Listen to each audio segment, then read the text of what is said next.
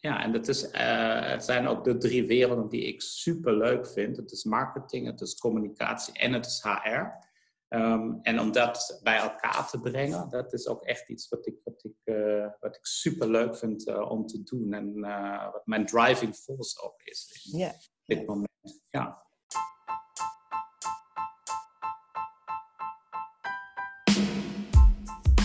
Welkom bij Getting Comfy With, de podcast voor en over communicatiemensen. Comfy is een samentrekking van communicatie en koffie. Precies wat we in onze podcast doen. Tijdens een kop koffie gaan we in gesprek met de communicatiemens met een goed verhaal. En in deze speciale serie, die we in samenwerking met Ongeil maken, zijn dat niet de minste. Namelijk de finalisten voor communicatie man of vrouw en communicatietalent van het jaar. Ieder vertelt waarom juist hij of zij zou moeten winnen. En tegelijkertijd leren we ze beter kennen. In gesprek met Sascha Becker, genomineerd voor Communicatie Man van het Jaar en consultant bij Proof op het vlak van Change Communications, Employer Branding en Employee Alignment. Ook schreef hij mede het boek The Employee Journey. Zijn mantra is: blije medewerkers, is blije klanten, is meer business value. En dit draagt hij dan ook onvermoeibaar uit in binnen- en buitenland. Met deze strijd om de Employee Journey structureel op de kaart te zetten, kwam hij in de finale terecht. Welkom, Sascha. Hallo, Goedemorgen. Hallo. Goedemorgen. Hoe gaat het met je? Um, op deze mooie, prachtige, zonnige dag uh, bijzonder uh, goed. Um, en ik had ontzettend veel zin in, uh, in deze podcast en om met jou in gesprek te gaan over het onderwerp wat mij dagelijks bezighoudt. En dat is yeah. de employee journey. Ja, want wat is dat precies? De Employee Journey um, helpt uh, organisaties om het juiste talent uh, dat nodig is om waarde te creëren voor de organisatie aan te trekken, mm -hmm. te binden, te boeien, te behouden. En um, het talent dat um, je wellicht niet meer nodig hebt om je organisatiedoelstellingen te, te behalen, dat op een adequate manier te offboarden.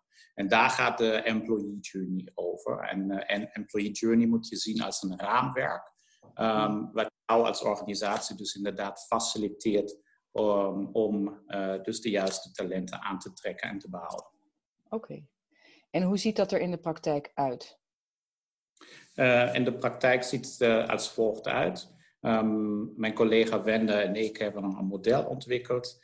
Um, en op basis uh, van uh, dit model en op basis van de doelstellingen die je als organisatie hebt, um, uh, kun je nadenken over de gaps die je als organisatie hebt. En kun je op basis van het model vervolgens nagaan hoe je deze gaps kunt dichten. Rekening houden met de zes beïnvloedingsfactoren die wij um, gedefinieerd hebben.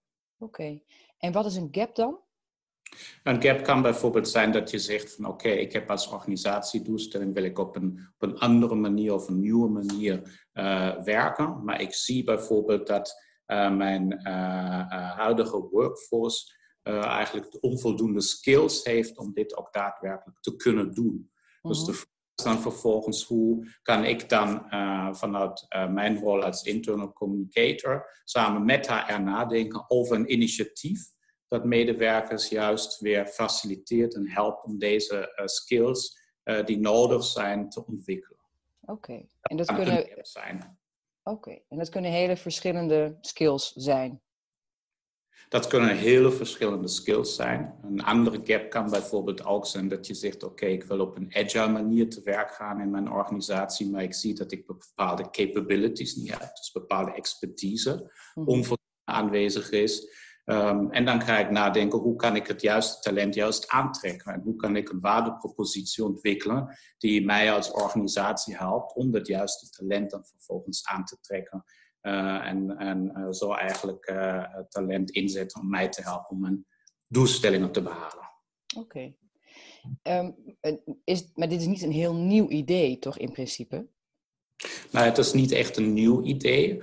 Uh, wat wel nieuw is, is dat um, ik eigenlijk uh, nagedacht heb over een model.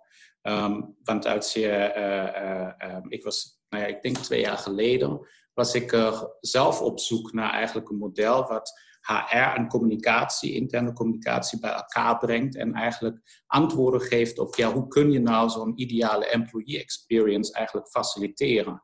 En kwam toen tot de conclusie dat er niet één model was. Okay. Uh, dus nu is het, in, is het in die zin wel, omdat er nu één integraal verhaal is en één visie ligt, die zowel uitgaat van internal comms, dus interne communicatie, maar mhm. ook rekening houdt met de kennis uh, vanuit de HR-invalshoek. Ja, want op zich er zitten natuurlijk heel veel raakvlakken, uh, of raakvlakken, ik zeg zelfs overlappingen denk ik in. Ja, zeker. Er zitten heel veel overlappingen. Ik denk dat het ook heel um, belangrijk is dat je uh, uh, nadenkt over de rolverdeling. Jij uh, bent uiteindelijk verantwoordelijk voor de communicatie. In die zin um, moet jij als internal comms professional proberen om de relatie op te bouwen met je HR-collega's. Omdat je uiteindelijk de producten die HR ontwikkelt, die heb jij nodig vervolgens om je medewerkers weer mee te nemen op reis en je medewerkers adequaat te kunnen faciliteren um, om uiteindelijk de beste versie van zichzelf te worden. En die connectie HR-coms, ja, mhm. dat, dat, dat, dat, is een hele belangrijke uh, connectie en een hele belangrijke relatie ook. En waarom is dat dan toch vaak zo gescheiden van elkaar? Nee, dat is een hele goede vraag. Um, en dat is een vraag waar ik zelf ook nog geen antwoord op heb. Um, wat ik wel probeer is eigenlijk in mijn, uh, in mijn werk, vanuit uh, mijn rol als internal communicator, om continu eigenlijk die brug te slaan met HR. En eigenlijk gezamenlijk na te denken van ja, waarom werken wij eigenlijk nog steeds in silo's? Terwijl wij vanuit onze, uh, vanuit onze doelstellingen eigenlijk hetzelfde doel voor ogen hebben. namelijk blije medewerkers medewerkers faciliteren om het juiste moment de juiste dingen te doen. Ja. En waarom dat nog, zo, nog steeds zo is, ik heb geen idee. Ik heb het antwoord ook nog niet. Nou, misschien is het ook interessanter om te kijken hoe krijg je het samen. Nou, ik denk dat dat uh, aardig lukt. Bij een aantal opdrachtgevers waar ik zelf actief ben, um, is dat eigenlijk ook de eerste stap die ik zet om te kijken van oké, okay, um, waar is HR? Wat is de uh, volwassenheid ook van de HR-afdeling? wie is wie en hoe kan ik eigenlijk ervoor zorgen dat wij als multidisciplinair team um, te werk gaan en gezamenlijk eigenlijk uh, toewerken naar een adequate oplossing voor het issue wat ter tafel gekomen is. Ja, want voordat je echt bij de employees terechtkomt, dan gaat daar nog een hele fase aan vooraf, als ik jou zo hoor. Met het inrichten van HR en interne communicatie bij elkaar.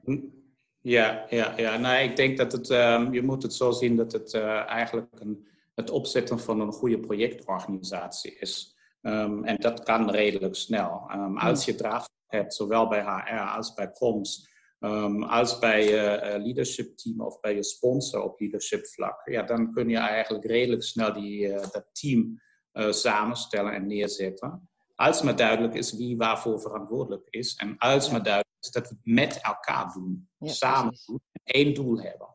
Ja, ja. ja, duidelijk waar je naartoe gaat. Ja, ja. ja. Um, in jouw pitch staat dat je, dat je een soort strijd aangaat hè, om die employee journey structureel op de kaart te zetten. Hoe doe je dat? Ja, uh, nou ja, dat, dat doe ik uh, ten eerste überhaupt door het model uh, wat ik ontwikkeld heb. Um, dat doe ik door het boek dat ik geschreven heb om toe te lichten van ja, hoe ga je dit model nu eigenlijk inzetten? hoe kun je het gebruiken? Maar het komt ook, of dat doe ik ook door um, eigenlijk continu aanwezig te zijn, um, workshops te geven, lezingen. ik publiceer heel veel in, de, in de vakpers, zowel HR als communicatie. en eigenlijk continu aanwezig zijn, dat helpt. En wat daar in deze wel belangrijk is, is dat je continu eigenlijk de link legt met de business. Dus datgene wat wij doen vanuit internal comms, dat is gewoon waardecreatie voor de organisatie. En jij moet continu die link maken met de business. Wat levert datgene op wat ik nu doe voor de business? En mhm. waar het zo belangrijk om nu te investeren in je employee experience of in de employee journey of onderdelen hiervan? En wat gaat het jou uiteindelijk opleveren als organisatie? Want waarom is het zo belangrijk? Uh, nou ja, ik denk dat het belangrijk is als je echt uh, organisatiedoelstellingen wil behalen, dan heb je maar één asset. Uh, de meest belangrijke asset zijn je medewerkers. Het zijn uiteindelijk medewerkers die jou als organisatie helpen om bepaalde ambities waar te maken, doelstellingen te behalen. Um, en dat zijn mensen um, die nodig zijn om, om, om iets te realiseren. Um, en daarom vind ik het zo belangrijk om hierin uh, structureel te investeren. Ja. Maar zijn er dan nog organisaties die dat anders zien? Nee, het, het, er zijn amper organisaties die uh, het anders zien. Alleen wat je wel merkt, en dat zijn, is echt een van de uitdagingen. Um, um, ja zeggen, cosmetisch ja zeggen. Uh, en als er een puntje bij het paardje komt, dan is het uiteindelijk, um, staat de medewerker helemaal niet zo centraal. En dan zijn het vaak politieke belangen of andere zaken die spelen, waardoor je als organisatie weer onvoldoende investeert in het neerzetten van de optimale employee experience. Ja. Is wat ik merk. Maar niemand is erop tegen um, en, en, niemand kan erop tegen zijn uh, uh, en, en, en, zeggen van ja, het is, medewerkers zijn niet belangrijk. Nee, maar uh, toch zit daar misschien een angst om daar wel je volledig op te richten. Wat, wat nou ja, dat zijn, denk je? Nou ja, ik denk dat het um, heel vaak te maken heeft met um, een, een, zorg uh, die men heeft als organisatie. Als het gaat om, heb ik eigenlijk de juiste uh, skills in huis om, dit, om deze olifant uh, inderdaad op te eten. en hoe moet ik dat doen vooral? Het heeft vaak te maken met een gebrek aan kennis. Nou, als ik vaak kijk van hoe interne comms op dit moment ook bij, bij heel veel organisaties gepositioneerd is als afdeling, ja, dan, dan heb ik vaak soms het gevoel van het wordt gezien als de afdeling die uh, de intranetberichtjes tikt en de spiegeltjes en de kraaltjes heel erg vanuit de executie geredeneerd. Ja. Maar niet zozeer als, als strategische uh, gesprekspartner voor en van de business. En dat is waar ik me voor inzet. Jij bent als internal comms professional ben je gewoon een strategische gesprekspartner voor en van de business. Maar om dat te kunnen zijn, heb je wel kennis nodig van de business. Dan moet je wel snappen hoe de business werkt. Ja. En ik denk dat daar bij sommige organisaties een bepaalde angst is. Heb ik eigenlijk de juiste skills in huis als het gaat om het neerzetten van zo'n employee experience? Ja. Um, en dat, dat uh, is denk ik waar men uh, bang voor is. Um, en daarnaast kost het ook gewoon budget. Um, ja. En niet één keer, maar je moet structureel investeren. En dan, um, als dingen geld kosten um, en je onvoldoende helder hebt van wat levert het mij nou concreet op. Ja, kun je dat berekenen? Ja, natuurlijk kun je dit ja. berekenen. Allerlei onderzoeken natuurlijk gedaan. die, uh, die aantonen wat het effect is van een aligned workforce of van, van blije en tevreden medewerkers als het gaat om de toename in betrokkenheid van medewerkers, maar ook de NPS-score, dus de toename in klanttevredenheid. Maar ook als je kijkt dat je dat goed doet, wat je kunt besparen op recruitmentkosten. Uh, simpelweg omdat de afname uh, in verloop bij organisaties uh, ineens afneemt. Um, dus dat, dat zijn allemaal dingen waar je eigenlijk direct de link kunt maken met wat levert het mij nou op. Ja. En dat is gewoon, het levert euro's op voor de organisatie. Zo simpel ja. is het. Klinkt heel simpel inderdaad, ja. Waar ben je nou het, meeste, het meeste trots op uh, tot nu toe, op dit vlak? Op dit vlak ben ik ontzettend uh, trots op uh, de impact die mijn werk heeft bij de organisaties waar ik de afgelopen twee jaar voor gewerkt heb.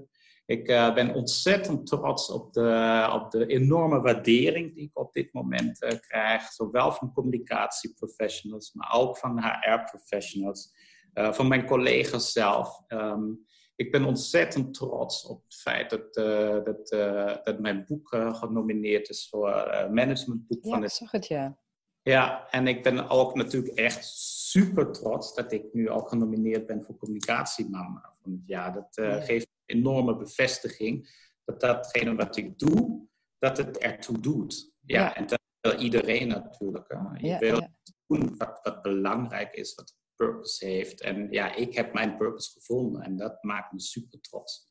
Ja, dat snap ik. Hoe kom jij hier zo in verzeild in dit vakgebied? ja, dat is een hele goede vraag. Um, ik heb van oudsher marketeer. Ik, ben, ehm, ik heb een, een managementprogramma gedaan toen ik naar Nederland verhuisde bij, bij Hewlett Packard, of wat nu Hewlett Packard is. En klassiek opgeleid tot, tot marketeer. Um, en ik merkte op dat moment al uh, dat ik als marketeer uh, heel veel proposities kan bedenken, heel veel leuke positioneringstrajecten. Maar als ik de organisatie niet meekrijg, dan kan ik nog zoveel bedenken, dan werkt het gewoon niet. En zo ben ik eigenlijk in aanraking gekomen met het HR-vak. Um, omdat ik gewoon wilde weten van ja, hoe krijgt een organisatie nu eigenlijk mee? Wat komt er allemaal bij kijken? En zodoende ben ik uh, gewoon in gesprek uh, geraakt met HR. En uiteindelijk uh, vond, ik, vond ik het vak zo ontzettend leuk. Dat ik dacht van ja, ik ga eigenlijk de overstap maken van corporate naar consultancy of naar bureauzijde. En ehm, ik ga me helemaal specialiseren in, um, in, in HR-communicatie of in hoe kun je een marketingpropositie nou echt ja. Omzetten. Um, en zodoende ben ik eigenlijk in het HR-slash-coms vak terechtgekomen. Um, ja, en dat is, uh, het zijn ook de drie werelden die ik super leuk vind. Het is marketing, het is communicatie en het is HR. Um, ehm, en om dat bij elkaar te brengen, dat is ook echt iets wat ik, wat ik, uh, wat ik super leuk vind uh, om te doen. En wat mijn driving force ook is in dit moment. Ja. Want hoe lang woon je al in Nederland? Uh, ik zit nu uh, kleine 20, nou iets meer dan 20 jaar. Oh joh. Ja. Oké. Vanuit Duitsland, hè?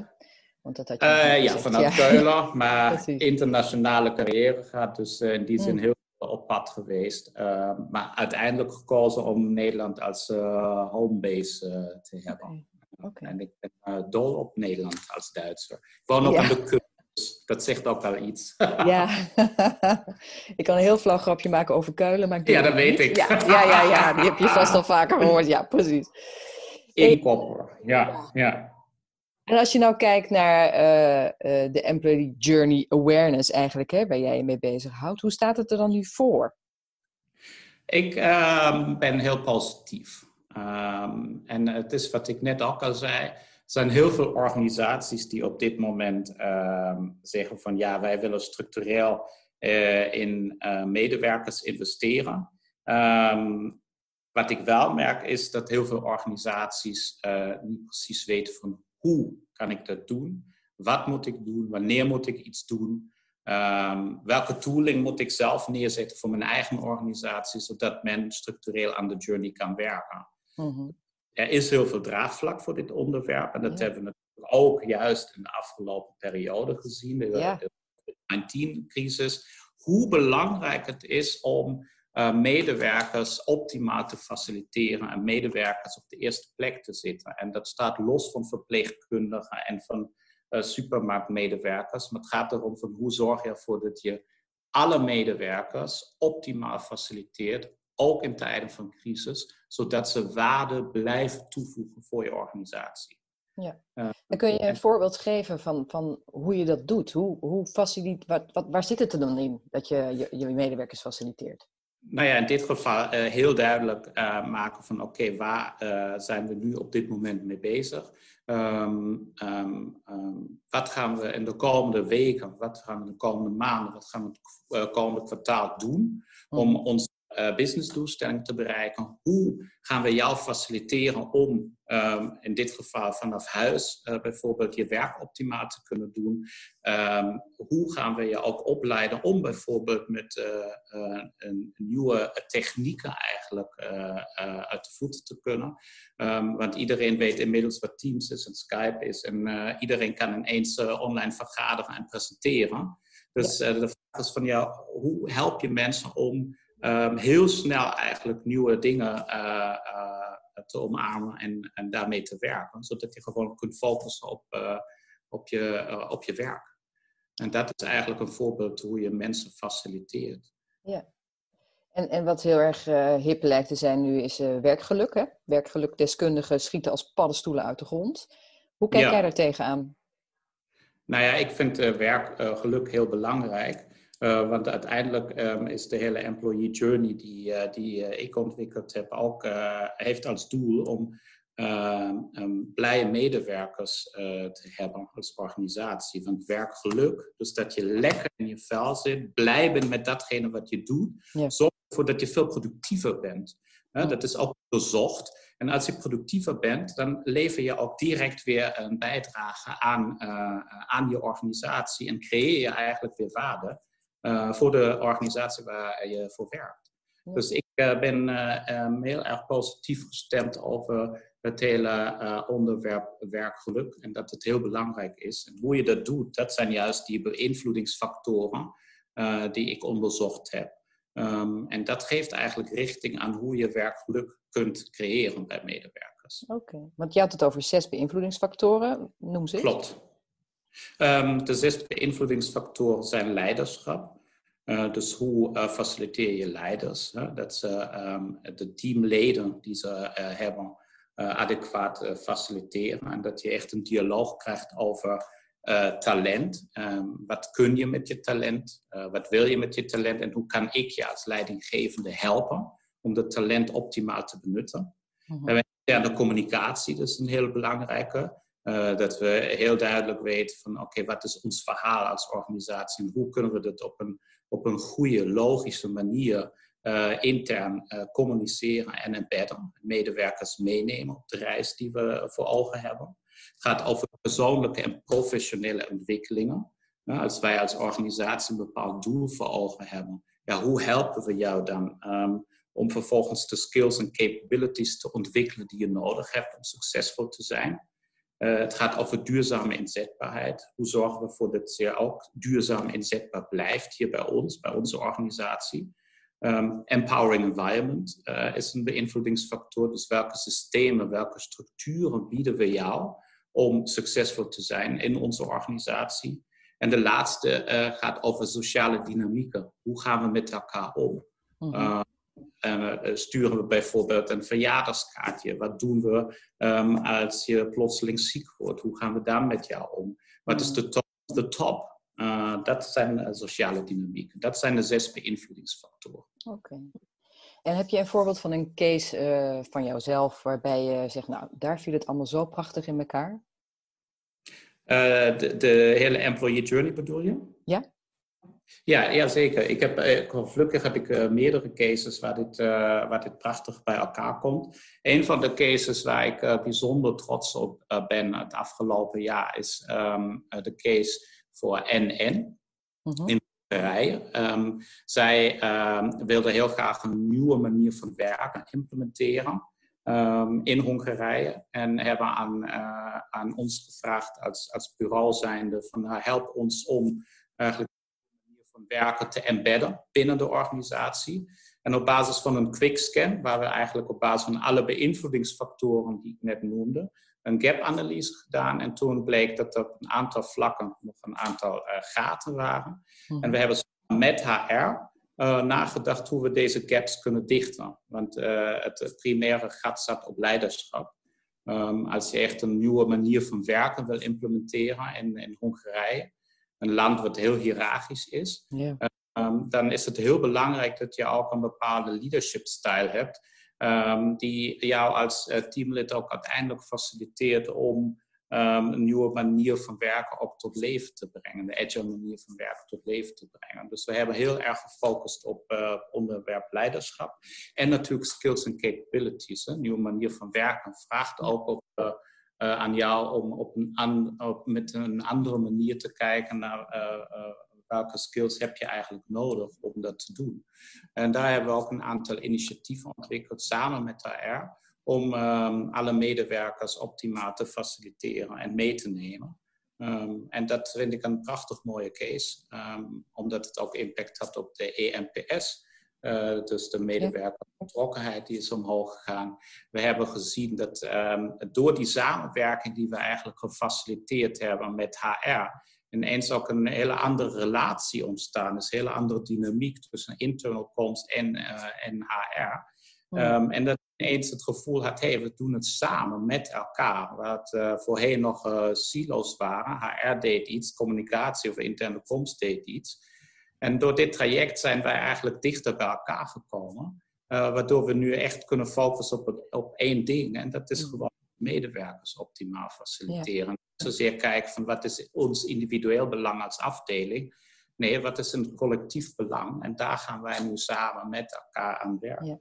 Dat vind ik een hele mooie ja, voor, en voor de langere termijn, hè? want het is niet een quick fix dingetje waar jij mee bezig bent. Nee, dit zijn geen quick fix dingetjes. Ehm, als je bezig bent met verandering, uh, dan moet je wel rekening houden met het feit dat je uh, drie tot vijf jaar nodig hebt om te zien dat het ook daadwerkelijk impact heeft. Een nieuwe manier van werken. Je kunt een aantal korte termijn fixes implementeren en dat helpt ook zeker om de business uh, stabiel te houden. Maar uiteindelijk moet je wel een lange adem hebben.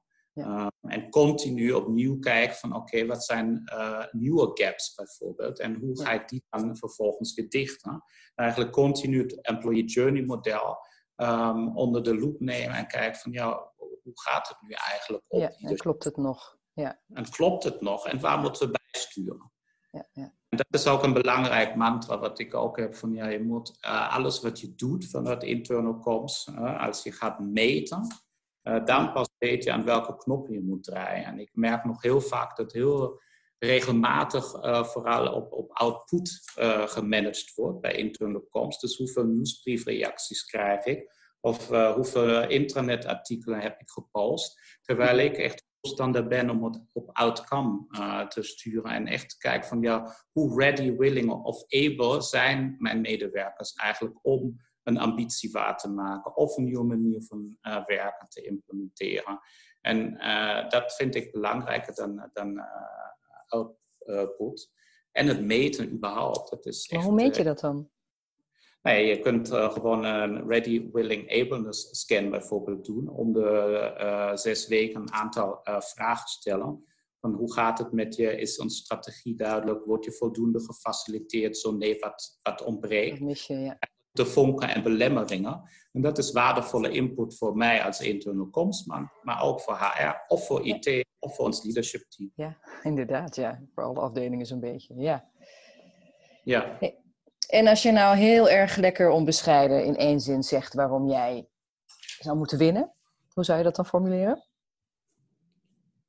Ja, dat vind ik een hele ja vind het altijd lastig om, uh, om over mezelf te praten, mezelf in de spotlight te zetten. Maar um, keuze voor mij um, is uh, een keuze voor het interne communicatievak. Um, ik heb namelijk laten zien dat interne communicatie duurzame waarde kan creëren voor organisaties. En ik help om het vak blijvend naar een strategischer niveau te tillen. Dus weg van de spiegeltjes en kraatjes, die ook heel belangrijk zijn, maar wel toewerken naar uh, die uh, strategische business partnership, uh, strategische gesprekspartner zijn voor de business van de business en voor de top en voor je, voor je collega's. En dat is waarom ik komstman van het jaar wil en moet worden. Mooi gezegd. heel goed, heel goed. Is er nog iets wat jij zou willen bereiken in het vak of daarbuiten?